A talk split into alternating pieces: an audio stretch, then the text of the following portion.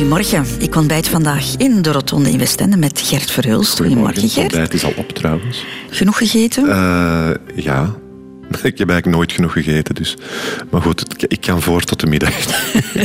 en er staat nog koffie, dus dat is het belangrijkste s morgens. Klopt het dat jij pas op je twaalfde de zee voor het eerst gezien hebt? Dat klopt. Uh, mijn ouders die gingen vroeger altijd naar de zee met mijn broer en mijn zus.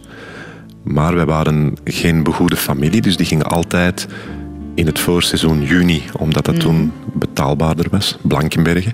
En uh, toen ik geboren was, was mijn oudste broer zes jaar. Dat wil zeggen dat hij naar de lagere school moest. En dat we dan niet meer konden gaan in het laagseizoen. En dan werd dat waarschijnlijk, dat is wat ik denk, onbetaalbaar voor hen om naar de zee te gaan. En vanaf mijn geboorte is dat gestopt eigenlijk. Mhm. En uh, ja, tot mijn twaalf heb ik nooit de Belgische kust gezien. En nu ben je een kustbewoner? Uh, nu woon ik aan zee, ja, in Oostduinkerke. Ik moet eerlijk zeggen, ik zie de zee niet vanuit mijn huis of vanuit mijn uh, kamer. Uh, maar we liggen op oh, anderhalf kilometer of zoiets. En om de zee te zien, dan kom je maar gewoon eens naar de rotonde. Voilà. Radio 2. De Rotonde met Christel van Dijk. Gert Verhulst, we gaan de rotonde van jouw leven bewandelen. Met alle afslagen die jij daarop genomen hebt. Je wordt volgend jaar 50, dus ik denk dat de tijd rijp is. Hè? Ja, volgend jaar, dat klinkt nog heel ver, maar dat is op 24 januari. Dus dat is uh, ja, een kleine maand, nee, een dikke maand. Vind je dat een mijlpaal, die 50? Uh, eh, ik moet eerlijk zeggen, ik ben niet zo met leeftijd bezig geweest, maar 50 vind ik toch wel, dat spookt toch af en toe door mijn hoofd. Uh, ik heb lang gedacht dat ik een jaar jonger was trouwens. Toen ik, uh, toen ik 47 was, heb ik heel het jaar gedacht dat ik al 48 was. En ik moet zeggen, dat was wel heel leuk op het moment dat ik ontdekte dat dat niet zo was. Allee, jong. Ja, ik kreeg volledig jaar cadeau eigenlijk. um, Dus om maar te zeggen dat ik daar niet zo mee bezig ben. Mhm. Maar ehm, ja, ik vind dat niet leuk, ouder worden. Om de dood eenvoudige reden dat er minder tijd overblijft om hier te zijn. Mhm. Maar voor de rest is het niet fysiek of, of, of mentaal heb ik niet het gevoel dat ik er al heel erg op achteruit ga. Ah, een beetje wel. Maar bon, dat, dat baart me geen zorgen. Maar gewoon, ja, de tijd tikt weg. Hè. Ja. En wat het, uh, de geluksscore betreft, scoor jij ook nog altijd hoog. Ik heb toch gelezen dat jij een hoge score geeft. In 2005 zelfs een 10. Ja, ja, ik In 2015 wel nog maar een 9. Oh, is het waar? Ja. ja, wel, het zal ergens nu tussen een 9 en een 10 zitten dan. Um, nee, ik ben er nogal van overtuigd dat, dat geluk te maken heeft met een soort aanleg of een soort... Um, ja, dat dat aangeboren is dat je gewoon gelukkig wordt geboren of ongelukkig wordt geboren. En ik zeg dikwijls, ik kan heel veel verdriet hebben, maar dat verdriet zal altijd liggen in een, in een bed van geluk. Ben je ook tevreden met alle beslissingen die je genomen hebt in je leven?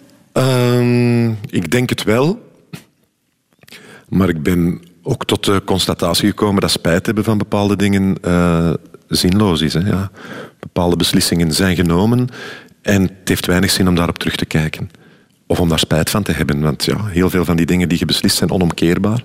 Maar die wil zeggen dat ik soms beslissingen heb genomen die mij heel zwaar hebben geraakt en, emotioneel uh, mij heel diep hebben geraakt. Maar bon, hoe? Dat wil niet zeggen dat je er achteraf spijt van hebt. Ik heb spijt van dat ik mensen verdriet heb gedaan. Of dat ik mensen pijn heb gedaan. Uh, ik ben iemand die heel erg mij in de plaats stelt van iemand anders. Uh, mijn empathisch vermogen is redelijk groot, te groot soms. Ik heb dat van mijn moeder. En dat wil zeggen dat als je iemand verdriet doet, dat je dat verdriet bijna erger voelt dan de persoon aan wie je dat aandoet. En uh, dat is heel zwaar om te dragen, ja. ja. Je bent een bekend persoon, Gert Verhulst, dus daar hoort een Wikipedia-pagina bij. Ja, ik heb, ik heb dat, dat is heel lang geleden dat ik die nog eens heb gezien. Ah, wel. Er staat onder meer dit op te lezen. Gert Tony Hubert Verhulst, Berghem, 24 januari 1968, is een Belgisch televisiepresentator, acteur, zanger, scenario-schrijver en ondernemer. Het bekendste is hij vanwege zijn rol als Gert in het televisieprogramma Samson en Gert. Hij staat aan het hoofd van het productiebedrijf Studio 100. Dat is allemaal over jouw professionele leven. Ja. heel, heel algemeen. We missen wat cruciale info, vind ik. Uh, info uit jouw jeugdjaren. Die zijn ook belangrijk geweest. Uh, daarom, daarom heeft Han daar in zijn tanden gezet en uh, jouw Wikipedia-pagina een beetje aangevuld. Gert Verhulst is geboren te Berchem op 24 januari 1968 als jongste van drie kinderen. Zijn oudste zus Veerle steekt meteen de loftrompet over de Benjamin van het gezin. Ik denk dat hij ook het eerste studiejaar altijd 99 op 100 haalde. En dan dat één punt werd afgetrokken voor het schoolschrift. Gert was een modelstudent, maar na de schooluur was er altijd plaats voor een feestje ten huize Verhulst, weet buurmeisje Christel Kuilen. Er was altijd wel reden daar om, te, om een feestje te maken. Elk verjaardagsfeest was er één volledig verkleed en volledig uh, in thema en iedereen deed mee. En naast verkleedfeestjes organiseerde Gert al op jonge leeftijd zijn eerste shows, weet Christel. Ik weet wel dat hij ook vaak circus speelde en dan, ja, dan, dan moest wel iedereen komen kijken die in de buurt was. Eveneens oefende Gert als tv-presentator. Hij wilde quizmaster worden zoals Mies Bouwman. Maar buurmeisje Christel wilde dat ook. Dus werd hij gedegradeerd tot kandidaat. Tot grote, grote frustratie. Uh, ja, dat was, ja, dat was nou eenmaal een vrouw hè, die dat programma leidde. En uh, ik was ook als kind nogal een bazig type, dus ik liet mij niet doen. Maar het was Gert Menens.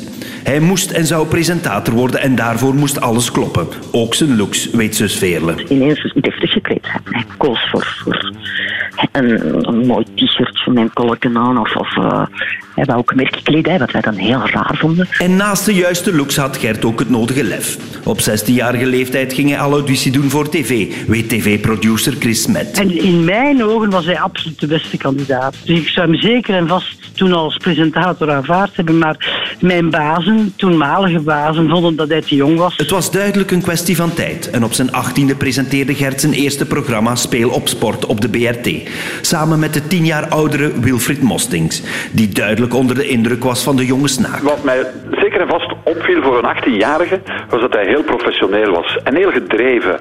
Uh, je zag meteen van wat hij daar deed, dat was wat hij wilde. En zo was de tv-carrière van Gert vertrokken. Maar Gert wordt duidelijk nog meer. Jeugdvriendin Christel, die toen in een bankinstelling werkte, herinnert zich nog heel goed dat Gert binnenstapte. Met de vraag uh, voor een lening om die hond te ontwikkelen. Mijn uh, bankdirecteur op dat moment, die had zo achteraf het aanhoord en hij kwam in, in het bureau en hij zei, goh, allee, wie komt er nu geld lenen voor zoiets? Dat, dat doet je toch niet? Allee, wie gelooft daar nu in. En Christel heeft toen tegen haar baas gezegd... Onderschat hem niet, want dat zou wel eens een succes kunnen worden. En zo geschiedde.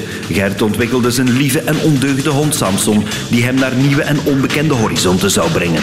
En de rest is history. Ja.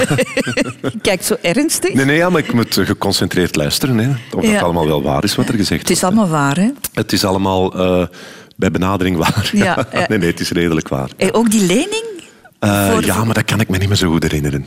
Of dat ik, dat ik geld wilde lenen voor een appartement en dat ik zoiets had van ja, uh, je kunt gerust zijn dat ik dat kan terugbetalen, want we zijn met iets bezig met een hond of zo. Misschien was het zoiets. Maar je hebt je geld gekregen? Ik weet het niet meer. ik denk het wel, ik weet het niet. De Rotonde. Radio 2.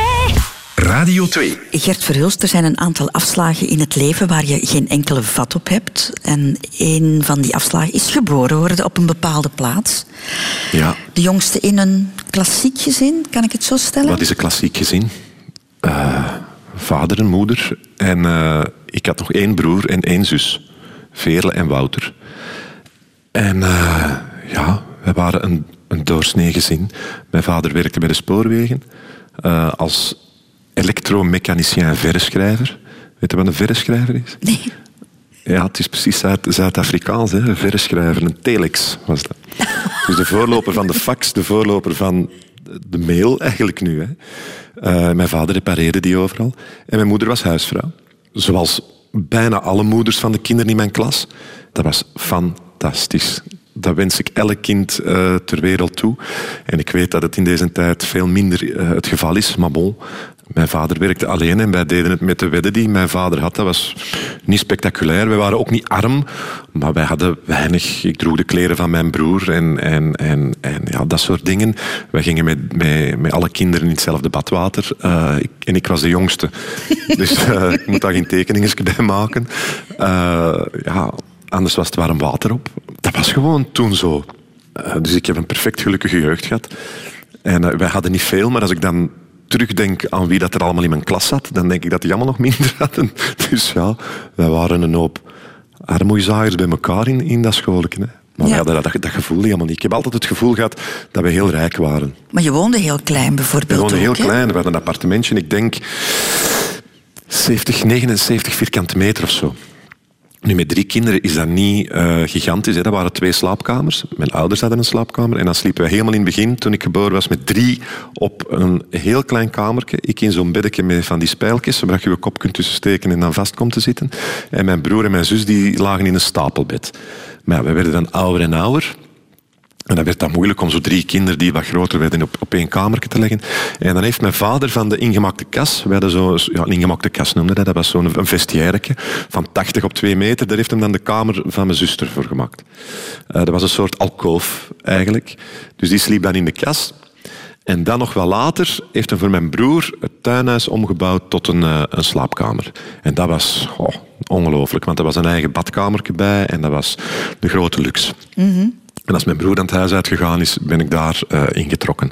Dus vanaf dan was dat wel uh, was dat ruim genoeg. Maar als ik toen later uh, bij mijn ouders op bezoek kwam, want die hebben daar tot drie jaar geleden gewoond, dan dacht ik, maar jongens, toch, hoe hebben wij hier met vijf man kunnen, kunnen wonen? was verzotten. En soms was dat ook verzotten worden. Allicht, te ah, ja, bedoel, ruimte. Dat is, zo'n heel klein livingetje met één tv.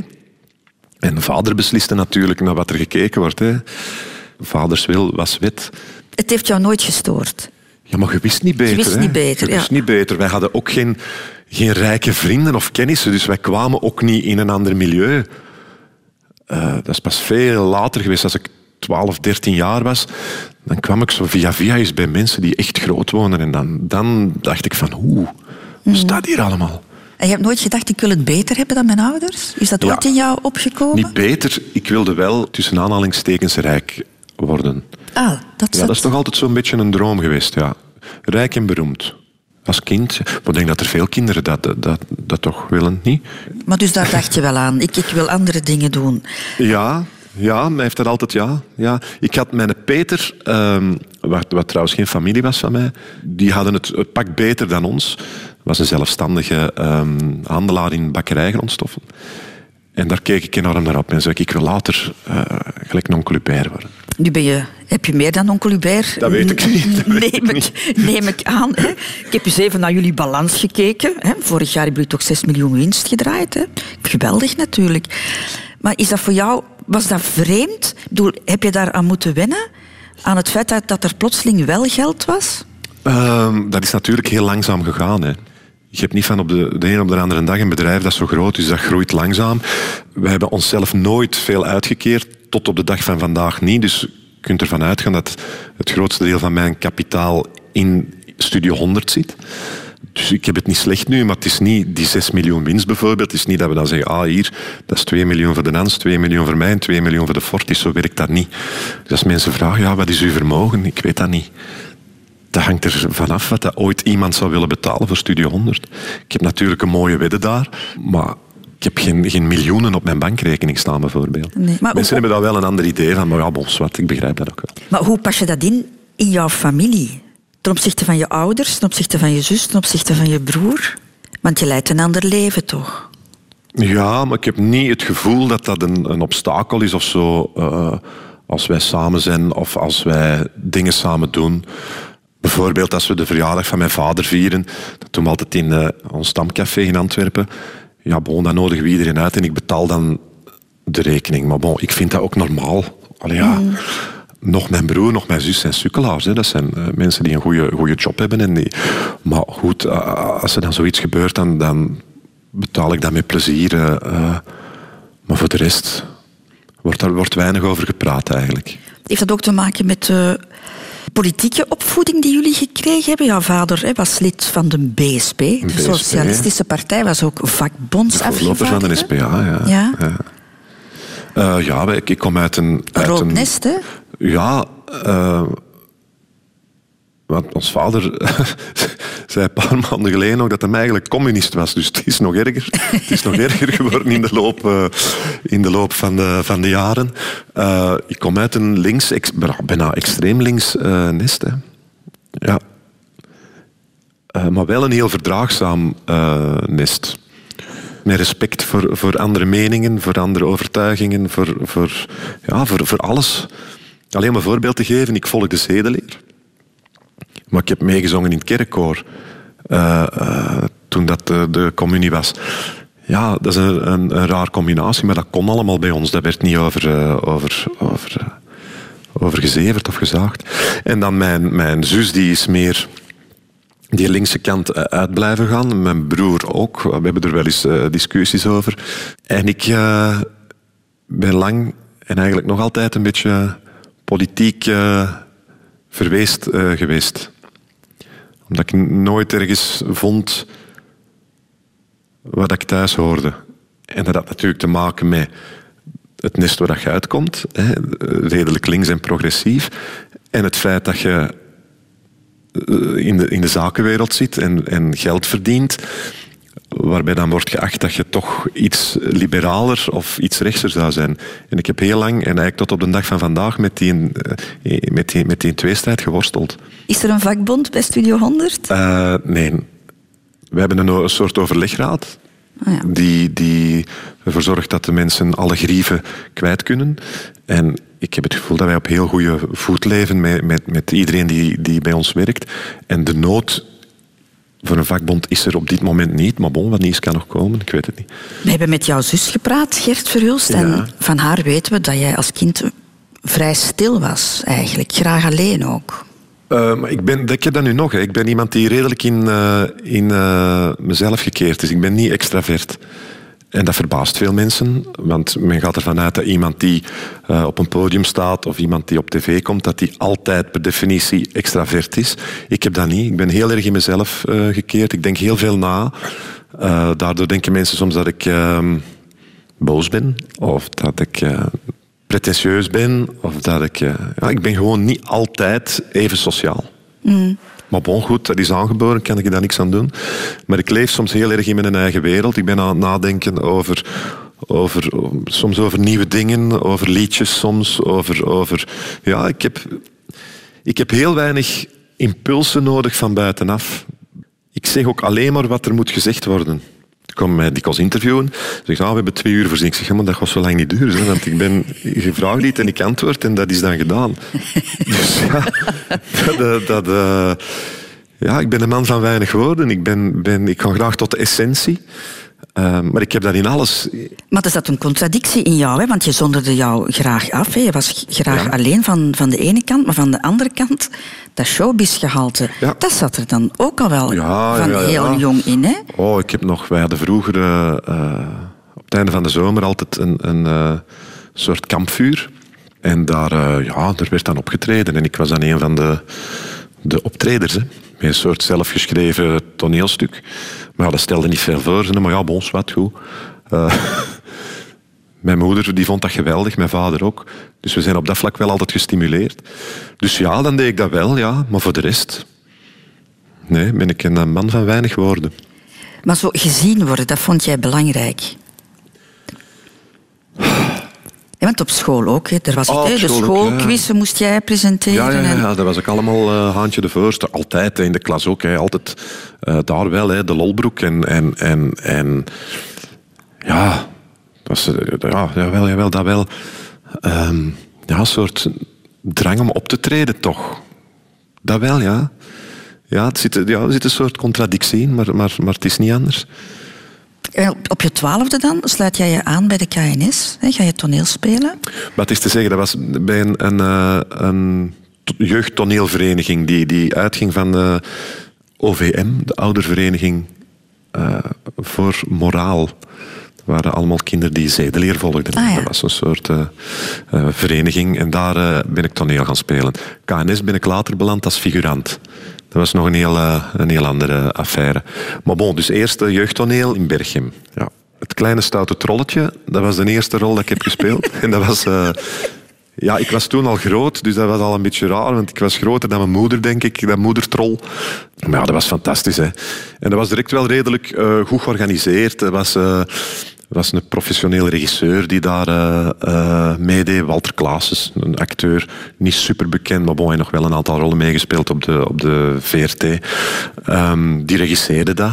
En uh, de, de, de, eerste voorstelling was in de Arenberg.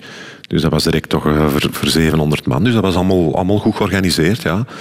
En dat was wel een heel jaar elke woensdag repeteren natuurlijk. Voor dan twee keren een opvoering te geven. Maar die gedrevenheid had je dan wel? Ja, ja, ja, ja, oh, dat was het liefste wat ik deed. Ja, ja, ja, ja. ja, want ik deed nog een aantal andere dingen. Ik ging ook naar de muziekschool en dat vond ik verschrikkelijk. Maar dat wou mijn vader absoluut hebben. Absoluut dat ik mijn notenleerdiploma had. Mijn zus speelde viool, redelijk goed. En ik uh, moest dan ook een instrument kiezen en ik had cello gekozen. Het stomste wat ik ooit had kunnen kiezen. Maar goed, een prachtig instrument. Hè. Ik vind nu, als je het, maar het moet goed gespeeld zijn. En eer dat je dat goed kunt, dat is, dat is een leidersweg. Dus dat was verschrikkelijk. Ik moest elke week naar die, naar die celloles. Uh, ik moest dan elke dag oefenen, maar dat vond ik... Ik haatte dat. Ik had eigenlijk cello gekozen omdat het een groot instrument was en omdat ik dan zeker wist dat ik nooit met de fiets naar de muziekschool moest. En dat ik dan zeker wist dat ons vader mij altijd moest brengen. Ja. En dat, dat was ook zo. Maar dat was de enige reden, dus dat was geen goede reden eigenlijk. Ja, je kreeg ook niet genoeg applaus allicht met die cello. Ja, nee, cello is niet echt een solo-instrument. Ja, ik bedoel, ja, maar het is niet op een avond gezellig aan het kampvuur kwam een cello even bovenhalen. Dat is niet gelijk een gitaar. Of als je piano speelt, dan kun je eigen begeleiden. Dus met een cello, ik was daar niks mee. Maar ik heb dat acht jaar gedaan. Hè. Acht jaar tegen mijn goesting daar op die cello liggen strijken. Hè. Dat is niet...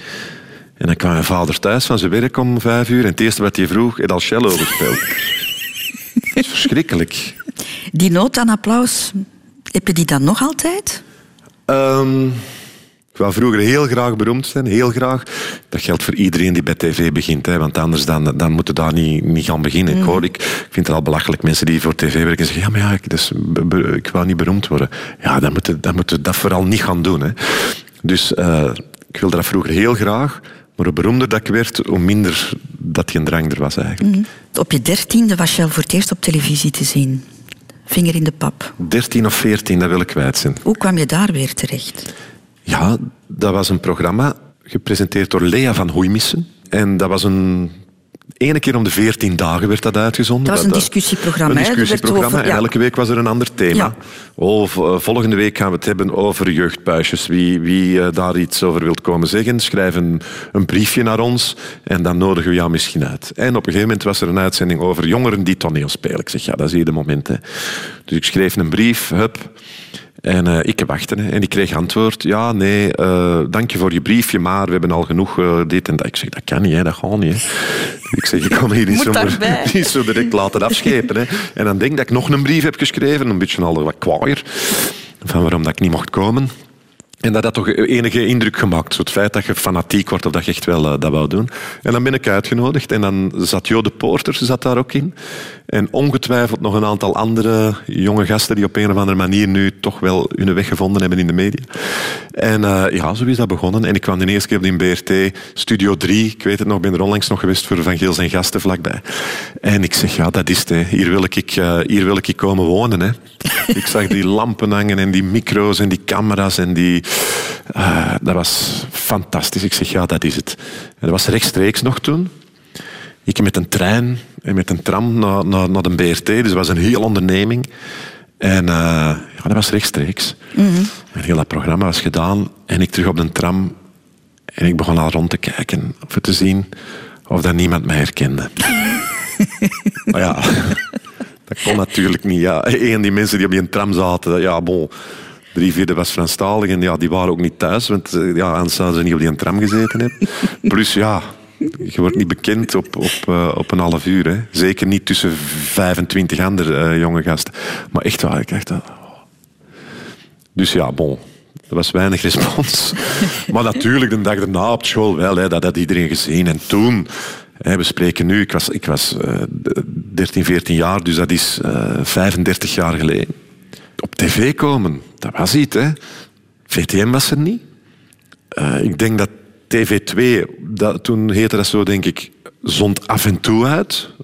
Uh, evenementiële dingen kwamen erop. En voor de rest keek iedereen, iedereen moest naar die BRT zien. Hè. Dus dat was, dat was uniek. Hè. Mm -hmm. En bon, ik denk dat ik daar toch een beetje opgevallen was. Chris Met was daar producer van, van dat programma. Chris Met, uh, voor mensen die ze niet kennen, toch een grote dame in de, in de Vlaamse tv-wereld. Ze heeft nog meegedaan in Fabian van Fallada. Ja. Ja. Uh, die was producer. En toch op een manier was ik daar opgevallen, want vanaf toen, als ze zo een, een programma deden van Vinger in de Pap en ze vonden niet genoeg mondige gastjes, want er was niet elke week een thema dat genoeg mensen... Dan, dan belden ze mij op den duur al zelf op. Dus ik heb daar drie, vier keren in gezeten, denk ik. Ja. Zeg maar, Geert... Um, je was goed in dat soort dingen. Je was, je was zelfzeker ook. Hè? Ja, ja, overmoedig zelf. Hè? Ja, ja, ja. Maar dan, hè? dan ga je auditie doen bij Dora van der Groen. Ja. Conservatorium. Ja. Omdat je daar een opleiding in wou. In... Ja, maar ja, goed. Dus je, je hebt zo'n beetje geproefd van die tv. Je weet van, dat is het wat ik hier wil doen. Ik wilde eigenlijk presentator worden. Ik wilde eigenlijk doen wat die grote Nederlandse uh, mannen allemaal deden. Want wij keken toen allemaal naar de Hollandse tv. In Vlaanderen, dat was triestig. Hè? BRT was triestig. Om zeven uur waren het uitzendingen door derde. Om, om, om acht uur kunstzaken. Uh, allee, ja, bedoel... Wij keken allemaal naar de Nederlandse tv. Hè? Dus ik keek op naar Willem Ruijs en Amis Bouwman en naar Ron Brandsteder en André van Duin. Dat waren de grote. Dat wilde ik doen. Maar bon, op zich bestaat daar, of bestond daar niet echt een opleiding voor. Dus de opleiding die dichtst in de buurt lag, dachten wij dan, was naar de toneelschool. Hè? Mm Ik denk, ja, dat is hier altijd al overal gelauwerd in, in school. Van, oh my, je doet dat goed. En gedichtjes voordragen en op, op, op, op. Dus ik had zoiets van, ja, we gaan even eh, de, de ingangsexamen doen. En dan eh, beginnen we aan die aan die opleiding. Ik had ook niks, geen alternatief in mijn hoofd. Dat was gewoon niks in mij dat zei van ja, je gaat daar niet mogen beginnen of dat gaat niet, dat gaat niet gaan. Of, dus ik ging naar die, naar die uh, ingangsexamens. We hadden met een man of 50, 60. Dat duurde wel drie, vier dagen of zo. Dat was heel, uh, heel intensief. En toen, bon, op het einde van die vier dagen, werden wij allemaal samengeroepen. En toen, van die groep van 50, riepen ze zo twintig namen af. Ik was erbij. En wij moesten naar, naar een andere kamer. En ik denk, oh, voilà, dat is, uh, het is hier gebakken. Hè. En toen zei ze, ja, jullie, jullie groepje, ja, we hebben slecht nieuws. Jullie zijn er niet bij. We denken dat jullie toch niet geschikt zijn voor dit. En ik dacht tegen van, ja, dat is hier een vergissing. ze hebben hun... maar nee, dat was, dat was niet. Dus dat was voor mij ja, de eerste keer in mijn leven eigenlijk zoiets van, oei. Ja, het lukt niet. Of, of, of het gaat hier niet zoals ik gepland had. Dus dat was echt een onwaarschijnlijke mokerslag. Uh, ik ben naar huis gegaan en, en, mijn moeder die was er ook helemaal van ondersteboven, want die had ook zoiets van, ja, tuurlijk, onze Geert, ho, ho, ho. Dus wij waren daar uh, toch een paar weken uh, niet goed van. Ook mijn ouders natuurlijk, omdat die zeiden van, ja, wat ga je nu doen? ja, je moet, toch, je moet toch een beroep leren, je moet toch uh, kunnen gaan werken en centen verdienen om boterhammen te kopen. Dus ze waren ook wat dat betreft een beetje in paniek, ook omdat ik niks anders wou doen. Ik had, ik had geen goesting om iets anders te doen. Dus dat was echt crisis bij ons thuis. Omdat dat ten eerste een tegenslag in mijn leven was. Tot dan toe, ik was altijd met mijn studies, dat ging eigenlijk allemaal vanzelf. En, en, en ja, alles wat ik deed lukte en, en iedereen vond dat geweldig en goed. En in één keer, voor de eerste keer in je leven, kregen ze een, een klop op je kop. En achteraf gezien hoorde ik daar waarschijnlijk ook niet thuis. Daarna hoorde ik dat die er allemaal nakt over de grond lagen te kronkelen. Uh, om, om, ja, weet ik waarom, om Dora te plezieren zeker, ik weet het niet. Um, maar dat was niks voor mij. Ik bedoel, eigenlijk ja, klopte dat. Ik hoorde daar ook niet thuis. Maar op dat moment besefte dat totaal niet. Dus die afwijzing is eigenlijk jouw geluk geweest? Ik denk dat er dan nog daarna nog een soort herkansing was, dat ik een bloeiende stier moest spelen.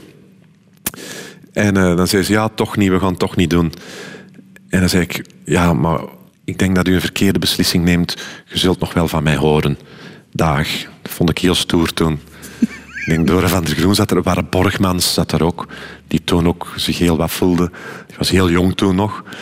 En ik zie nog wel dat die daar allemaal zo aan die tafel met een soort van, ja, ja, ze die hadden wel een soort macht natuurlijk. Hè, ja. En ik heb hem er nooit over gesproken. Ik weet trouwens niet of hij weet dat ik ooit dat die uh, ingang... Waarschijnlijk wel. Maar ik heb, uh, ik heb hem lang... Ik heb er lang met een grote bocht rondgelopen als ik hem tegenkwam. Uh, op een set of in een studio. Jaren later nog. Hè. Ik weet niet of dat hem dat weet. Toch het een soort frustratie nog van... Jij zit er toch verantwoordelijk voor dat ik die aan die school heb kunnen beginnen. Maar ik heb daar nu ook totaal geen frustratie of geen wrok niet meer van, maar heeft wel, ik heb dat wel een tijd lang gehad. Ik heb dat wel een tijd, omdat, ik, omdat ik spijt heb dat ik niet, als ik mijzelf zie acteren in Samson en Gert, dan denk ik, ja, potverdomme, goed is dat niet, hè. Uh, maar ja, ik wou het wel leren, maar ik heb de kans niet gekregen. dus ja, ik heb eigenlijk een heel goed excuus. Radio. Radio 2. Over de afslagen van het leven. De Rotonde. Gert Verhulst, we hebben het daar net over gehad. Je mocht dus niet starten aan het uh, conservatorium. Dore van de Groen zag jou niet zitten en jij zag een andere studierichting niet zitten. Dus jij bent dan eigenlijk gestopt ja. na je middelbare onderwijs. Uh, ja, maar dat was niet de bedoeling dat ik zou stoppen. Uh, maar ik wist het niet. Ik wist niet waar. Ik, ik had echt totaal geen, geen andere uh, interesses. Nu moet ik ook zeggen, bij ons thuis, we waren ook allemaal niet zo goed op de hoogte. Want eigenlijk het rits was iets voor mij geweest. De, de tv-school of de, de filmschool, dat had ik misschien wel kunnen doen of zo. Maar bon, in die tijd... Dat, ja, we waren gewoon niet zo goed op de hoogte van wat de mogelijkheden eigenlijk allemaal waren. Ook omdat ik ja, ervan uitging dat ik aan, aan, dat conservatorium in kunnen beginnen. Maar dat is toch wel een drastische keuze, niet verder studeren. Dat is slecht. Ja, nee, maar dat was niet het plan. Ik, heb, ik, ik zei van, kijk, we gaan, ik had mijn eh, uitstel aangevraagd voor mijn legerdienst. Ik zeg, we trekken dat uitstel in. Eerst legerdienst en dan heb ik een jaar tijd om na te denken. En na de legerdienst studeer ik voort. En dan ben ik misschien tot inzicht gekomen. Uh, maar ja, bon, dus je trekt je legerdienst in. Het is niet dat je dan een dag daarna uh, wordt opgeroepen. Je weet ook niet wanneer dat je wordt opgeroepen. Dus ik zat ik thuis hè, te wachten en ik had eigenlijk geen bezigheden. En dan ben ik beginnen uh, uh, solliciteren en een beetje gaan figureren in de KNS. En er stond op een goede dag een, een artikeltje in de krant dat ze op de BRT presentatoren zochten voor een nieuw spelprogramma. Een heel klein artikeltje in de morgen stond dat. En mijn moeder zei, ja, schrijf een brief voor dat je die auditie kunt komen doen. En dan heb ik dat gedaan en ben ik uitgenodigd voor die audities. En uh, dat was voor Speel op Sport. Opvolger van Stad op Stelten. Dat was een programma met Micha Mara en Marijn de Valk. Uh, en de opvolger daardoor, producer was nog Nonkel Bob. Die was toen nog het hoofd van de dienstjeugd. En uh, ja, wonder boven wonder werd ik daar uh, na twee, drie rondes uitgekozen om dat te presenteren samen met Wilfried Mostings. Dat moet een opluchting geweest zijn. Dat was uh, onwaarschijnlijk. Dat was, ja... Alsof dat ik de lotto won. Maar ja, pas op. Je dacht toen ook van, ja, nu is het gebeurd. Maar Speel op Sport was een programma dat liep ene keer om de veertien dagen. Ook weer zo'n raar frequentie toen. En dat begon met 13 afleveringen. Maar ja, BRT had toen nog niet zoiets als carrièreplanning voor, voor mensen of zo. Nu mm. krijg je bij een zender een contract voor een aantal jaren en zeggen we gaan dit doen en dat doen, een aantal zee. Toen was dat niet. Hè. Ik kreeg voor 13 afleveringen een contract en ja, bon, voor hetzelfde geld was dat er na voor eens en voor altijd afgelopen of niet. Of ja, er zat geen, geen idee achter of geen plan achter. Hè. Mm-hmm. Maar bon, op dat moment besefte ik dat niet. Ik denk, ja, het is hier gebeurd. Ik ben bij een tv. Hè. Ik zit erop, het is gebeurd. ja, nu, bam. Ik herinner mij jou nog. ja, ehm, dat, is, ja. ja. dat is het, de klimoptijd. Hè? Ja, samen met Ben Krabbe ja, toen het programma hè, Klimop. Ik denk dat wij zelfs op hetzelfde bureau zaten. en ik, ik, denk dat wij afwisselden met jullie, of nee? Ik weet, want nee, ik denk dat ook wij, ene keer om de veertien dagen. Dat herinner ik mij niet meer. Maar wat ik mij wel herinner, beste Gert, is... Die was een beetje een brani-achtig jongetje toen. Hè? Een wat? Brani-achtig zo. Heel zelfzeker. Uh... Ja, maar ja, als je dat niet zei, dan moet je niet hier aan beginnen. Hè. En ik moet eerlijk zeggen, uh, die zelfzekerheid die is uh, met de jaren serieus afgenomen. Ze hebben het wel eens over jeugdige overmoed. Hè. Voilà, dat was toen... Maar dat moet ook hebben als je daar niet... Maar dat viel op, op het feit dat jij al zo ambitieus was. Ik wist heel duidelijk uh, wat ik wou. En eigenlijk, wat ik wou, is wat, alles wat ik nu doe. En daaruit heb ik wel geleerd dat mensen die een duidelijk doel hebben en een duidelijk plan hebben, altijd tien stappen voor hebben op iemand anders. Ik heb ooit nog tegen een van de mensen van dienst jeugd gezegd van jullie zullen moeten oppassen, want voordat je het weet heeft dat manneke hier de hele dienst overgenomen. Dat kan ik me zo niet meer herinneren. Nee, maar ja, je, je had wel zoiets van... Hey, toen, BRT, enige zender, je zit daar dan binnen. Ja, dan moet ik wel zorgen dat ik hier op een of andere manier binnen blijf. Want als ik hier buiten word gezet, dan er is geen alternatief. Dan is het gedaan, dan is mijn leven... Zo, zo zat dat toen in mijn... Is mijn leven gedaan, hè? Kan ik zeggen dat een van jouw meest briljante ideeën Samson geweest is? Uh, nee, want dat zou oneer aandoen zijn aan alle andere mensen die daarbij betrokken zijn geweest. In de eerste plaats uiteraard Danny Verbiest, uh, die toch Samson voor het grootste stuk gecreëerd heeft. Bon, het is door de omroepers toen die daar zaten, waar ik er één van was, dat het beestje wel op tv gekomen is. Dus in dat opzicht um, heb ik er wel wat mee te maken. Maar bedoel, zeggen dat het mijn idee is, dat uh, Mm is net een brugje te ver. Maar je hebt wel meegestreden om hem op tv te krijgen. Ja, ja dat was op een gegeven moment was hij op tv en dan was het heel succesvol. En dan was ik wel een van de, de, de weinigen die dat potentieel zag en de mogelijkheden zag die er allemaal uh, uh, voor ons lagen. En ook een van de weinigen die echt goesting had om daar ook mee verder te gaan. Dus ik heb dat toen wel naar mij toegetrokken. Uh, en ik heb niet het gevoel dat er veel anderen waren die die ambitie hadden om daar iets mee te doen. Dus ik zag wel het potentieel en de mogelijkheden die er waren. Um, en ik zag ook, en ik wist ook dat we Samson uit die omroepcabine moesten halen, omdat dat heel beperkt was natuurlijk. Op een gegeven moment hadden alles tegen elkaar verteld. En dat het uh, sterker zou kunnen als we in een decor gingen werken en als er nevenfiguren bij kwamen. Dat zag ik allemaal wel heel duidelijk voor ogen. En um, daar zat ik ook met Danny volledig op dezelfde golflengte.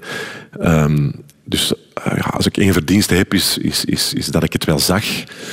Kijk, dat is met veel dingen. Hè. Mensen zeggen, ja, maar je geluk gaat of je dit gaat of je dat gaat. Ik zeg, ja, maar ja, in, in een mensenleven, eh, er komen veel treinen voorbij. Uh, je moet alleen zien dat je op de, de juiste trein mhm. stapt. En ja, dat heeft toch te maken met een soort van instinct of een gevoel. Veel mensen krijgen veel kansen, maar zien het dikwijls niet. Je moet ook sterk in je schoenen staan, denk ik, want er werd wel wel mee gelachen hè, in het begin. Ja, maar wij hadden direct, ik had direct door en Danny ook hoe bijzonder dat was. We deden een tekenwedstrijd en daar kwamen geen 500 tekeningen, er kwamen 5 of, of, of 10.000 tekeningen op, op af. En dat is niet normaal. We, we, vroegen voor gele briefkaarten in te sturen. Normaal kreeg, kreeg het programma 100, 200 gele briefkaarten. Wij kregen zakken vol. Uh, wij voelden direct dat die impact van, van die, die hond, dat dat extreem was. Dus ik trok mij daar niks van aan. We begonnen ook heel snel op te treden. Ik zag ook dat dat onwaarschijnlijk succes was. Dus ik dacht, laat die mensen maar allemaal lachen. Mhm. Of laat mensen daar maar kritiek op hebben. Dat maakte mij totaal niet uit. Tot op de dag van vandaag niet. Je hebt, je hebt ook al gezegd, heel wat kritiek gekregen ook. Jullie zouden te commercieel zijn, te plat zijn. Uh, heb je dat ooit aangetrokken, Gert? Uh, nee, nee, eigenlijk niet. Wij zijn een, een, een, commercieel bedrijf. Als wij een theatervoorstelling maken, dan moet die betaald worden door de mensen die komen kijken. En dan ja, is voor mij de enige norm, is, komen er genoeg, is er genoeg volk dat dat wilt zien als Samson en Gert kerstshows op hun top zaten, kwamen er 144.000 mensen naar kijken. Die hebben 66 keer de Elisabethzaal. En toen stopte het omdat de vakantie gedaan was. Dus misschien was het potentieel nog veel groter. Er komen geen 144.000 mensen naar iets kijken wat slecht is. Ik geloof dat niet. Mm Dus uh, die enorme publieke belangstelling heeft mij altijd eh, sterk gehouden. En ook de reacties van die mensen eh, hebben mij altijd gesterkt in het feit dat we dachten, of, dat we wisten dat we mee iets bezig waren dat wel, ja, wel niet zo slecht geweest zal, zal zijn. Mm Wat dacht jij dan? Laat ze maar lachen, ik verdien mijn kost. Dat ook, maar de kritiek kwam heel vaak van mensen die eigenlijk niet exact wisten waarmee dat wij bezig waren. Als je op dat moment geen kinderen had en je zag alleen zoiets Samson sporadisch passeren, dan kan ik me inbeelden dat je dacht, wat is met dat allemaal? Maar mensen met kinderen die zagen welke impact dat, dat had op hun kroost en die af en toe eens meekeken naar, naar de dingen die we maakten, ja, die snapten wel dat dat allemaal zo nozel niet was. En jij had dat dus meteen door, want in 96 zijn we dan met Studio 100 gestart. Hè? Jij, Hans Bourlon en, en, en Danny Verbiest. Ja, dan waren we ongeveer al een vijf, vijftal jaren bezig met Samson en Gert. Hè. Maar dan um, maken jullie een eigen productiehuis? Ja, klopt. Dan zijn we uit de VRT gestapt. Uh, het is te zeggen, het programma werd tot dan toe binnen een soort VRT-structuur gemaakt. En dan uh, zijn we als privéproducent begonnen. Ja, en meteen, meteen een groot gebouw ook, hè, daar in Schellen, hè? Ja, ja, achteraf bezien was dat wel een beetje raar. Want we hadden één programma dat we produceerden, Samson en Gert. En we hadden daar ineens een gebouw gekocht. Dat was onwaarschijnlijk groot. Ja, heel ambitieus. En uh, ja, op dat moment dacht ik van ja, we gaan dat nodig hebben. Want we gaan van alle andere dingen doen. We gaan enorm groeien. Maar als je dat op dat moment bekijkt, was dat eigenlijk een beetje onverantwoord. Achteraf gezien hadden we het ook nodig. Mm ja, dus dat was nog de jeugdige overmoed. Ik zou het vandaag de dag niet meer durven, denk ik. Maar bon, we gingen naar dat gebouw zien. Dat was een oude opslag van Sony. En het Superclub had daar ook nog gezeten. En dat was heel groot.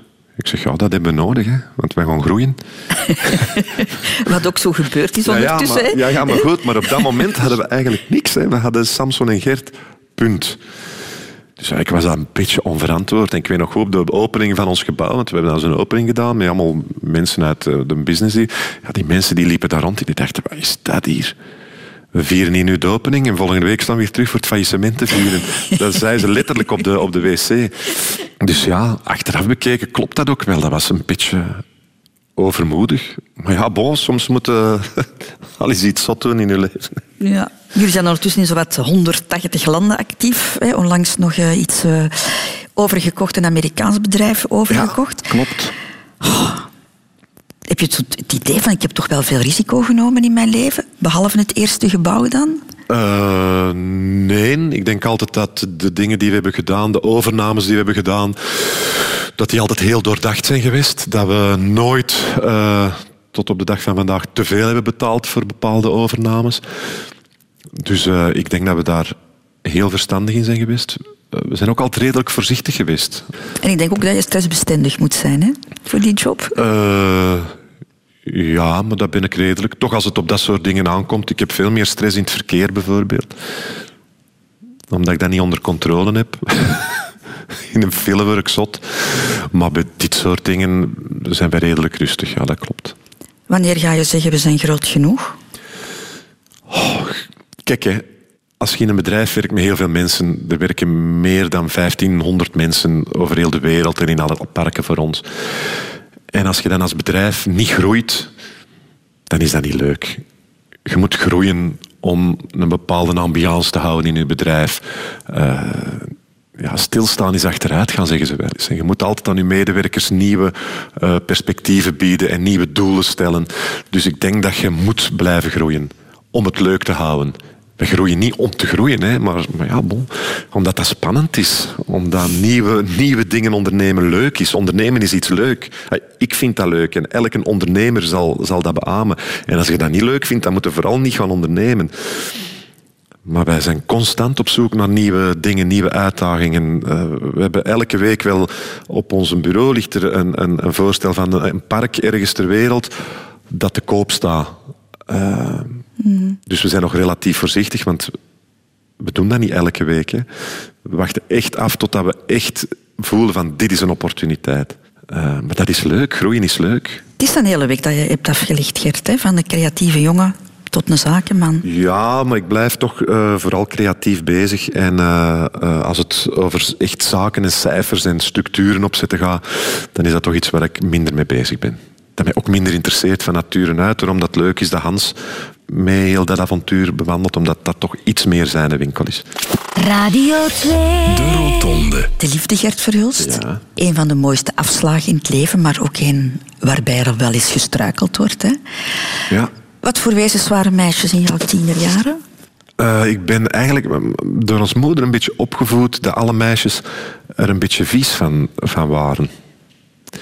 Dus uh, dat, uh, dat ja, meisjes dan wel bepaalde dingen deden met jongens, maar dat dat vooral was ja, voor die jongens dan een plezier te doen. dat bleek achteraf helemaal niet zo te zijn, uh, Christel. Maar goed. Maar dat heeft lang geduurd. Dat heeft lang geduurd voordat ik daar uh, ja, van dat idee verlost was. Want je zat op een gemengde school, dus de meisjes waren wel binnen handbereik. Ja, maar ik dacht altijd dat er niemand die mij geïnteresseerd was.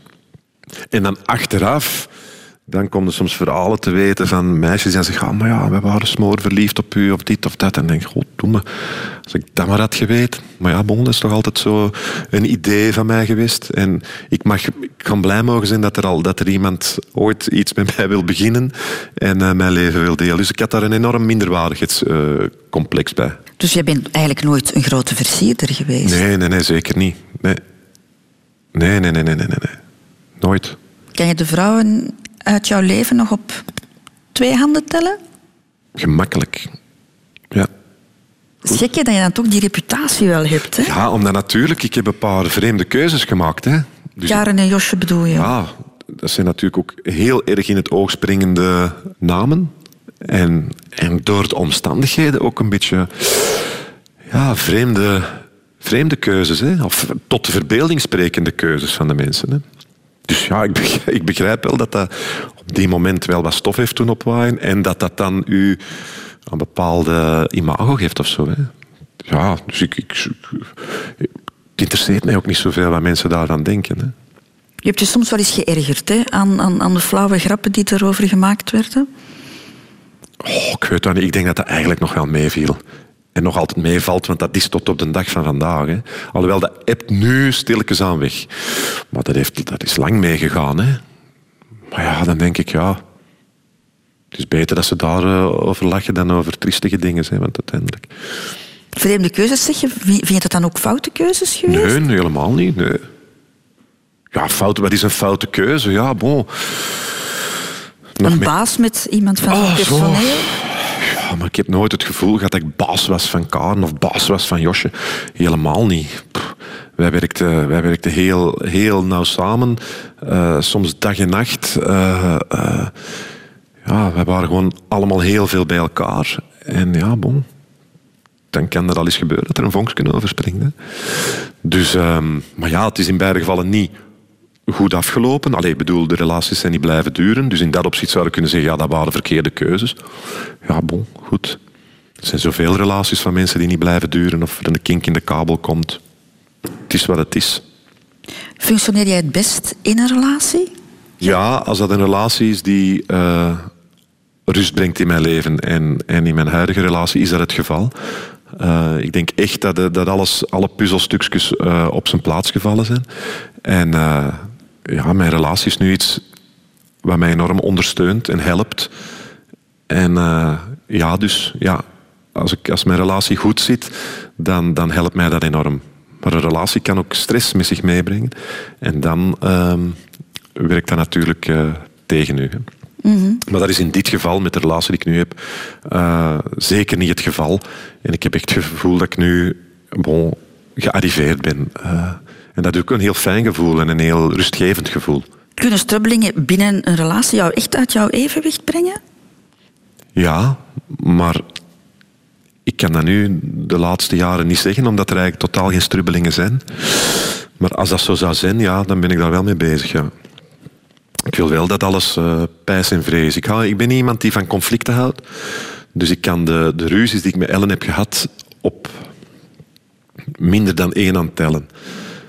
Uh, en sommige mensen zullen zeggen, ja, dat zijn ook mensen die vinden dat, de, dat een relatie constant conflicten en ruzies en terug bijleggen en dat soort dingen moet zijn, maar dat, dat kan ik niet, uh, nee, dat is niet aan mij besteed. Mm -hmm. Dat zou mij opvreten. Dus uh, ik ben nu heel blij met, met de situatie gelijk dat ze is. Jullie zijn wel even uit elkaar geweest, hè? Ja, ja klopt. Om dan te beseffen wat ik miste. En ja, dat heeft er ook voor gezorgd, denk ik, dat de relatie nu stabieler is dan ooit. En wat mij betreft, uh, ja, voor de rest van mijn leven is. En ik ben heel blij dat ik die tweede kans heb gekregen. Want dat, zie je eh, dat zo? Ja, ik zie dat toch wel zo, ja. ja, ja, ja, ja. Dus uh, ja, de parcours is een klein beetje hobbelig geweest. Maar ja, bon, je denkt dan dikwijls als je in zo'n omstandigheden terechtkomt dat je de enige bent, dat dat speciaal is en bijzonder is, maar dan hoorde oh, van zoveel relaties die moeilijke wegen en, en, en omwegen en bochten kennen, dat je denkt van ja, eigenlijk, het is allemaal nog niet zo zot wat ik heb meegemaakt of wat ik doe. Dus uh, het zijn veel ergere dingen en veel verwarrendere toestanden nog dan wat ik in, in, in heb gezeten. als je ze nog op twee handen kan tellen. Ja, ja, ja. Maar natuurlijk, bij jou speelt het zich allemaal wel in de openbaarheid af. Dat is het. Dat, dat, is het. dat, is het, hè? Dat is het, maar dat, dat geldt voor alles wat ik doe. En dat is soms heel... Um, ja, frustrerend moet ik zeggen. Ik bedoel, ik rij naar het Sportpaleis voor uh, optreden van uh, Samson en Gert, de, de Throwback Thursday. En uh, ik rijd daar een fietser aan kon hem, ik kon hem niet zien. Ik, ik, ik, vertrok net, dus het was een, een, een heel kleine aanrijding. Maar bon, mm man viel, had pijn. Uh, toch een ziekenwagen laten komen, voor alle zekerheid. Bon, achteraf bleek dat er niks aan de hand was. Dus bon, eigenlijk een fait divers. Dat duurt dus geen uur, of dat staat op hlm.be en op nieuwsblad.be. En dan denk ik, oh, denk dat is raar. Moet dat nu? Maar dan gaat het over jou. Jij hebt daarvoor gekozen, hè, voor, voor een publiek figuur te zijn, maar je trekt ook mensen mee hè, in jouw omgeving. Om maar te zeggen, met, met, met jouw vriendin nu, je bent dan weggegaan bij haar voor, voor Josje, teruggekomen. Daar wordt over geschreven. Klopt. Dat maakt het allemaal... Uh, het is al ingewikkeld, zo'n hele situatie. En als iedereen er dan nog zijn zeg en zijn mening en dingen gaat over schrijven, maakt het dan nog veel ingewikkelder. Ook omdat niet alles klopt wat er geschreven wordt en dit en dat. En, en ja, dat is, dat, is, dat is niet leuk. Ja, want jouw kinderen lezen dat. Jouw partner leest dat. Dat is niet leuk. Zeker, ik heb het ene keer meegemaakt dat ze Karen en mij hebben gevolgd tot in Dubai. Mijn ex-vrouw wist van die relatie met Karen af en dat was allemaal uitgesproken. En dat, maar toen werd er in de bladen in Nederland gedaan alsof ik betrapt was in Dubai met Karen, terwijl ik nog gewoon uh, een relatie had met de moeder van mijn kinderen, wat niet klopte. Maar dat zette mij wel in een heel vreemd daglicht. Uh, ik probeerde ook toen voor mijn kinderen heel de relatie met Karen zoveel mogelijk uit de pers te houden, omdat dat voor hun ook niet makkelijk was. Maar als je dan plots kussend met Karen in een tijdschrift staat in Nederland en je kinderen zien, dat is echt niet leuk.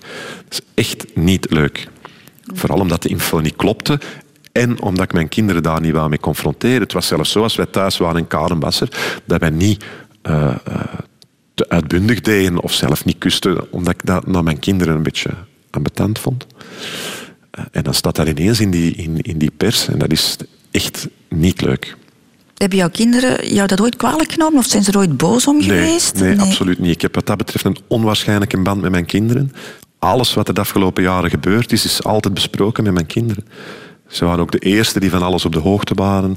En uh, wij zijn altijd 100% eerlijk geweest tegenover hun. En dat is, uh, dat is heel belangrijk, denk ik. Dus er is, ik heb een band met mijn kinderen die ja, heel weinig ouders hebben, denk ik. Was dat voor jou duidelijk van in het begin van ik wil kinderen? Uh, ja, ik wilde heel graag kinderen, maar niet zo vroeg. Want het was mijn toenmalige vrouw. Die, uh, zij had eigenlijk al heel, van heel jongs af aan een, een, een kinderwens. Die op een gegeven moment niet meer te onderdrukken was. En heb ik gezegd, oké, goed, ja, bon, dan, dan zullen we eraan beginnen. Voor mij op dat moment, ik was er eigenlijk denk ik nog niet 100% klaar voor. Maar goed, bon. Nu ben ik heel blij dat we op die jonge leeftijd eigenlijk kinderen hebben gehad. Omdat ik, uh, ja, bon, een fantastische band heb met mijn kinderen. Mm -hmm. En uh, ja, dat ik het leuk vind om nog relatief jong te zijn, nu dat mijn kinderen aan het opgroeien zijn. Want ze kwamen heel snel na elkaar ook, hè, die twee? Ja, klopt. Zat daar dertien ja. maanden of zo tussen? Of? Uh, ja, ja, veertien ma veertien maanden denk ik, ja. ja. ja. Dat is wel heel snel, hè? Dat is heel snel, ja. Ja, en eigenlijk was dat ook een voordeel. Uh, voor mijn zoon niet, want die was eigenlijk nog niet klaar voor concurrentie uh, in het gezin. Dus die riep altijd zo de eerste maanden, Marie is moe, Marie moet gaan slapen. dus die wou altijd maar dat hij uh, dat die in haar bed ging. omdat hij eigenlijk zelf nog heel veel aandacht nodig had. Dus dat was voor hem, hij kon dat nog niet plaatsen en nog niet bon, zich als grote broer opstellen, maar dat begrijp ik ook als je nog maar zelf een jaar bent. Dus dat is een moeilijke relatie geweest de eerste jaren. Het is pas de laatste jaren dat die zeer goed overeen beginnen komen, maar die hebben eigenlijk eh, 18 jaar ruzie gemaakt over alles. Mm -hmm. Over wie dat er van voor mocht zitten in de auto, over wie dat er... Well, ja, over alles. En dan hadden we een afspraak dat ze rit per rit van voor mochten zitten in een auto. Maar als ik dan van Antwerpen naar de zee reed en ik stopte voor tanken, dan was de discussie van is dat nu een nieuw rit die begint of is dat dezelfde rit die voortgaat? Dus dat soort discussies om zot van te worden. 18 jaar aan een stuk. Ja. Die konden elkaar opeten soms. Maar nu beste vriendjes, dus dat is ook fantastisch. Nu, ze zijn geboren rond de periode dat jij met Studio 100 begon. Ja, ja, moet wel allemaal hectisch geweest zijn, hè? Ja, dat was heel hectisch. Hè. Ik weet toen dat Victor geboren werd, uh, eh, 1 augustus, dan moest ik uh, optreden in de Efteling. Dus wij hadden een contract in de Efteling, dat was drie maanden elke dag, maar dat lag al vast voor de zwangerschap. Dus uh, mijn vrouw werd zwanger en ik zeg, ja, we hebben een probleem. want ja, god beval ik. ik. Ik zit met die optredens in de Efteling, waar niet onderuit te komen was. nu, gelukkig ehm, was er een medisch probleem, waardoor wij op voorhand wisten dat Victor met een keizersnee uh, ter wereld moest komen. En dat had het enorm voordeel dat wij dat konden plannen. En die dokter pakte zijn agenda en zegt, ja, wanneer, wanneer, wilde, uh, wanneer wilde dat gebeuren? En we zeggen, ja, bon, pak dat maar 1 augustus, uh, dat is een schone ronde datum. en ja, kan dat om 9 uur? Ah, ja, dat is perfect om 9 uur, oh, dat is goed. Ik zeg, ja, dat is goed, want om 1 uur moet ik op te in de Efteling. En ja, bon, dat was nu zo, daar was ook niks aan te doen, dus goed. Uh, Victor om 9 uur keizersnee en uh, ik om 11 uur uh, weg. En smiddags natuurlijk direct terug. Hè. Ja, ja. Dus ja, dat was hectisch, dat was, maar dat was zo, ja, goed. Maar jouw vrouw of ex-vrouw, de mama van de kinderen, bleef wel thuis? ja, ja, zij was huisvrouw, huismoeder. Ja, bon. Zij hielp ook veel mee met de dingen die ik deed. Hè. Ze deden papieren en, en, en, en ja, bon, ik moest mij van niks iets aantrekken. Hè. Dus dat was, mhm. dat was, dat was fantastisch. Hè. En zij vond dat ook fantastisch. Zij was uh, in de eerste plaats moeder voor ons kinderen. En ze heeft dat fantastisch tot op de dag van vandaag gedaan. Dus ik uh, had mij geen betere moeder voor de, voor de kinderen kunnen inbeelden. Na de scheiding kies u dan voor co-ouderschap, hè? Ja. En ik moet zeggen, ik heb vanaf toen af aan mijn kinderen pas gezien eigenlijk. Dat is dikwijls, hè? Bij gescheiden papa's? Uh, ja. Die worden betere papa's? Uh, ja, dat was voor mij een heel, heel stresserende periode. Ik zat met ongelooflijke schuldgevoelens. Eén. Omdat jij was weggegaan? Omdat ik was weggegaan. En ik had die kinderen week op, week af. Ik was in Antwerpen gaan wonen. Mijn kinderen zaten op school in Capelle. En ik wilde die zelf naar school brengen en zelf gaan ophalen. Maar bon, Antwerpen, Kapellen, op de, op de spits is dat een uur rijden. Dus ik vertrok om zeven uur s morgens de kinderen gaan afzetten in Kapelle en dan naar Schellen. Dat is negen uur, was ik al kapot. En ik wilde ook niet te laat zijn om de kinderen te gaan ophalen in school. Dus ik moest dan al rond twee uur, half drie in Schellen vertrekken om zeker op tijd te zijn. Want ik wilde niet dat mensen zouden roddelen van oh, daar en dan komt zijn kinderen niet in zaal en dit en dat. Want onze schoolpoort, en je weet hoe dat, dat gaat. Dus dat was... Dat, ik heb toen in de auto gezeten tot ik totdat ik vastgegroeid zat aan mijn zetel. Dat was verschrikkelijk. Verschrikkelijk. Stress om te laten zijn. Stress om, om, om, om, om tekort te doen voor die kinderen. Dan ook koken voor die kinderen. Omdat je, ja, je wou het bijna perfect doen. Hè. En dat gaat niet. En dat was heel moeilijk te combineren met mijn job. Dus ik heb dat een jaar gedaan. Dan heb ik toch wel hulp ingeroepen van mensen. Uh, voor af en toe eens van school te gaan halen en dit en dat. En, uh, maar dat was, dat was ja, vooral omdat je het goed wilt doen. En je wilt niet tekortschieten en je wilt niet dat die kinderen lijden onder die, onder die situatie. Maar ook om je geweten te sussen, hè? Ja, Denk maar ook, ja, gewoon, je wilt een goede vader zijn. En dan, en dan de stunts die ik heb uitgehaald. Want er was in school daar een nabewaking en dat heet het egeltje. En als je dus ja, te laat wordt om je kinderen op te halen, dan gingen de kinderen naar het egeltje. En dat was mijn grootste angst, dat die kinderen naar dat egeltje zouden moeten. nu, tien jaar later, of vijftien jaar, nee, ondertussen vijftien jaar later, ik zeg, oh mannen, wat tegen mijn zoon onlangs. Ik zeg, wat dat ik heb moeten doen. En ze zei, papa, maar wij gingen zo graag naar dat degeltje. wij vonden dat altijd zo jammer dat wij niet naar dat degeltje konden. Ik zeg, jongen, jongen, jongen. Ik zeg, dat zeg jij nu, na al die tijd, dat ik dat toen had geweten, dat zoveel minder stress in mijn leven meegegeven. Dus... Uh, Nee, dat was een heel, een, een, een, heel zwaar periode in mijn leven.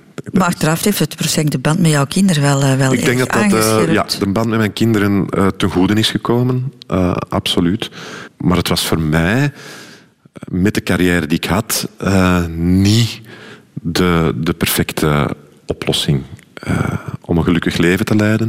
En ik ben daardoor toch wel in een soort depressie geraakt op een gegeven moment. En, en, en ja, bon. Dus ik heb wel een zwaar periode in mijn leven meegemaakt. Daardoor. Allee, door, door heel die situatie. Maar goed, ja, er kwam dan nog bij dat die relatie met Karen op een gegeven moment op de klippen liep. En dit, ja, dat is allemaal niet bevorderlijk voor, uh, voor uw levenskwaliteit. Hè. Dus dat is een, een, een, een moeilijke en een zwaar periode geweest in mijn leven. Ja. Is jouw gezin compleet nu, Gert? Bedoelt of er nog kinderen ja, komen? Ja, zou toch kunnen bij jou nog? Ik vind dat die keuze uh, volledig bij mijn, bij mijn huidige vrouw ligt eigenlijk.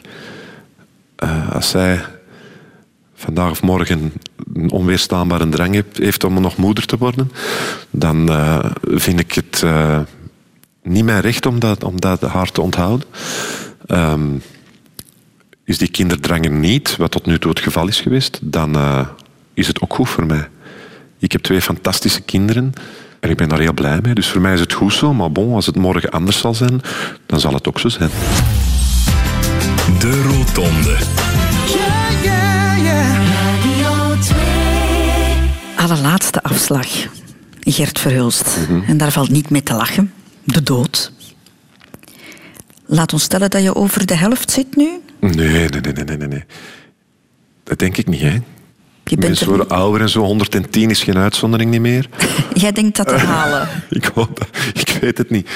Ik word soms uh, met hartkloppingen uh, en angstbeelden uh, wakker in mijn bed bij de gedachte aan de dood. Dus dat boezemt mij zeer veel angst in. Ja? Ja. En wat precies? De gedachte dat er niets uh, is. En dat alles wat je hier nu over u ziet zitten weg zal zijn. En ook uh, ja, dat er niks, dat de, de, de, grote leegte. En ik kan daar heel moeilijk mee leven, met die gedachte. Dus ik verdring dat. En ik ga er ook vanuit en dat zie ik als ik met mijn vader spreek, die nu 87 is, dat die angst voor de dood wel afneemt. En dat het een soort ingebouwde angst is van nature die ervoor zorgt dat wij niet nu allemaal ons gaan verzuipen in die zee hier bijvoorbeeld. Dus dat wij een soort overlevingsmechanisme in ons hebben die in een doodangst uh, geprogrammeerd heeft om ervoor te zorgen dat we willen blijven leven. En dat als een tijd rijp is om te sterven, dat wij daar ook klaar voor zullen zijn. Dus ik hoop dat die doodsangst afneemt, want het is niet leuk. Zie je dat bij jouw vader? Dat er een, een Mijn vader zegt, ik ben, ik ben er klaar voor. Ik heb een eh, fantastisch leven gehad. Uh, hij heeft al een paar keer zo'n soort attackje gehad of zoiets, een flauwte gehad, dat hij dacht, oh, nu is het gedaan. En hij zegt, ja, als dat zo is, dan is dat zo. Ik heb het een eh, prachtig leven gehad. Ik heb het eigenlijk gehad hier. Elke goede dag dat er nog komt, die pak ik graag mee. Maar als het gedaan is, dan uh, ben ik blij. Mm Dus dat getuigt niet van een grote doodsangst. Dus ik veronderstel dat, dat, uh, dat de natuur dat zo heeft ingebouwd, dat dat bij ons allemaal afneemt naarmate we ouder worden. Ik hoop dat maar, Christel. Ik hoop dat maar. Je hebt dat bij je mama gezien natuurlijk. Hè? Die... Mama ik denk niet dat mijn mama er klaar voor was. Mijn mama heeft nog een week bij ons gelogeerd in, uh, in aan zee. En uh, niks wees er eigenlijk op dat zij, dat zij ging sterven of zo. Maar ze was ziek, hè? Ze zat, ze was in, ziek, ja. Ze, zat, ze, ja, zo, ze was moeilijk te been en zat ja, een duistere vorm van Parkinson iets. Ze hebben eigenlijk nooit exact geweten wat er was, maar er was wel iets, uh, bon, er was wel iets mis wat je niet onmiddellijk aan haar zag of hoorde als je er een uurtje bij wordt, maar als je er langer bij wordt, dan begon ze bepaalde dingen te herhalen. En, en, en ze moest dan bijvoorbeeld naar de wc en dan, ze vond die nooit. Ik zeg, alleen Moeke, je, je, je, je bent er straks geweest. Die ach ja, ja, het is daar. Dus aan dat soort dingen, maar je kon daar een perfecte babbel mee hebben. En, en, en, dus dat was allemaal, uh, allemaal heel goed. En, ik, en, en ze wou niet naar, naar de home terug, want ze was heel graag bij ons aan de zee en zegt, ja, ik wil hier niet weg. Ik kon, uh, je weet dat nog niet, maar ik kon voor altijd hier blijven wonen. Ik zeg, ja, moeder, dat is een beetje moeilijk. Allee, ja, bon, hebben ze weggebracht. En dan twee dagen daarna kregen we telefoon bon, dat, het, dat ze ja, bijna overleden was. Maar ja, ik denk dat ze toen eigenlijk al overleden was. En dat was toch heel onverwacht nog. Dat was... Dat was uh, ja, dat was, dat was, ja, ze was daar niet klaar voor. Mijn moeder had ook wel een doodsangst, denk ik. We hebben daar nooit op het laatste over gesproken, omdat we, ja, bon, ik had niet het gevoel van, uh, het is, ze, ze loopt op haar laatste been. Dat, dat, gevoel had ik helemaal niet. Dus ja, zij is plots, uh, plots vertrokken. Dus je hebt niet echt afscheid kunnen nemen? Eigenlijk niet, nee. Nee. Maar ja, als mijn vader nu morgen sterft, ook niet hoor. Echt afscheid nemen? Nee, ik denk dat niet. Dat we dat hebben gedaan. Ik vind het ook een beetje eng zo. Op het moment dat er geen sprake is van de dood, dat je zo'n soort afscheid neemt. Maar je hebt die week wel gehad, hè? Ja. Die, die, die... Het was een beetje alsof het zo moest zijn. Dat dat een soort afscheidsweek was of zo. En dan, uh, dan is ze verrast. En dan gingen ze ze verstrooien. En dan, ik, ik had ineens zoiets van, nee, dat kan ik niet aan. Dat hij hier zomaar wegvliegt. Ik zeg, stop, stop, stop. Alleen niet, niet op die strooiwijze. Ik stond me zo een halve dag ervoor. Ik zeg, man, ik kan dat niet aan. Ik kan dat, dat, gaat niet. Ik zeg, ik wil die, uh, ik zeg, ik kan, ik wil die as uh, bijhouden. En dan... Dan hebben we de as meegekregen. Ik, nu staat ze bij mij thuis op de, op de kas. en uh, ik zeg, ja, het klopt. Hè. Ze had gezegd, ik ga hier nooit niet meer weg. En nu staat ze bij ons op de dressoir. Uh, en ja, ze gaat nooit niet meer weg. Ze is er altijd bij. Ik had gedacht dat dat iets eng zou zijn, zo'n een pot met as. Maar eigenlijk totaal niet. Dat geeft een soort rust. En, dat was trouwens nog grappig. Ze moest, ik kreeg ze niet direct mee na de, na de uitstrooiing. Om een of andere reden moest hij nog naar de begrafenisondernemer. Ah, ik weet niet hoe dat, dat zat. En iemand anders was ze gaan ophalen. Ik zeg, ja, kun jij niet gaan ophalen? Want uh, allee, ja, bon, het was dan al zo'n beetje grappig uiteindelijk. En dat zat in zo'n een, een doosje zo. Ja, nog een voorlopig doosje, maar dat was eigenlijk iets chic, zo'n blauw fluwelen doosje. En s'nachts had ik dat op de tafel gezet en s'morgens was Ellen beneden gekomen en die dacht dat ik een cadeau gekocht had voor. Dus die denkt, ah, oh, oh een verrassing voor mij. En uh, ja, bon, die doet dat open en dat was dus uh, de assen van mijn moeder. Allee, schatje toch, oh, heb ik je zo teleurgesteld. En dan ondertussen zit ze nu in een, in een, in een mooie, mooie urne. En uh, ja, ben ik blij. Dat geeft mij zo'n compleet gevoel. En ik moet ook zeggen, de, de, eigenlijk bijna het moment dat mijn moeder gestorven is, er is het gevoel dat die in uw, in uw lijf gekropen is op een of andere manier. En, en ja, dat je daar een band mee hebt, of uh, dat die nu, ja, zeg dat, iemand zit in je hart, maar dat, je voelt dat ook zo echt. En ja, mijn moeder is altijd bij mij. En dat is, ja, dat is een heel, geeft een heel geruststellend gevoel. Natuurlijk, je mist die enorm en maar mensen leven toch op een of andere manier voort in nu. En dat, is, uh, ja, dat geeft heel veel rust. Dus wat dat betreft... Maar ja, ik had natuurlijk liever gehad dat ze een beetje ouder was geworden. Want ik denk dat ze... Dat is geen 80 geworden en ik vind dat te jong. Als ik de 80 niet haal, dan, ik, uh, dan vraag ik mijn geld terug. Ook even naar de toekomst kijken, nabije toekomst. 23 december, start van de kerstshows. Ja, voor de 27e keer uh, in de pannen in het Plopsa Theater. Daarna gaan we ook naar Hasselt. Uh, mm -hmm. Ja, ik kijk er heel, heel erg naar uit. Zijn jullie al klaar? Uh, wij zijn zo goed als klaar. Ja. ja, maar we moeten toch nog een beetje repeteren. Maar ik repeteer niet zo graag. Ik vind dat je Gert Verhulst stem al opzet van de show. Ja, ja, ja, ja, ik vind het wel. Nee, nee. Ja, nee, nee, maar ik kijk er elk jaar naar uit. Vooral naar de shows, maar we hebben ook heel veel avondactiviteiten met de vrienden op het podium. Wij moeten s'avonds nog altijd vergaderen over de show. Ah, ja, ja. Hoe hij geweest is en hoe we hem nog kunnen verbeteren. Ja. En dat gebeurt bij een uh, goed stukje vlees en een goed glas wijn of een goed pint. Dus uh, ja, het worden zware dagen. Mm, zware vergaderdagen. Mm -hmm. Gert, ik vond het heel fijn ja. dat je hier was. Ik weet Dank dat je dat niet zo graag doet, interviews. Maar uh, je hebt het toch maar mooi gedaan. Dank dus ik wel, ben jou ja. daar dankbaar voor. Het gastenboek nog. Ja. Dat is het enige wat ik nog van jou vraag. Ja, maar ja kijk, het is, uh, het is geen groot epistel geworden. Beste Christel, ik ben een man van weinig woorden. Toch ben je erin geslaagd om diep in mijn ziel naar binnen te kijken. Niet echt van mijn gewoonte en toch, het was me een genoegen. Dank je wel. Gert.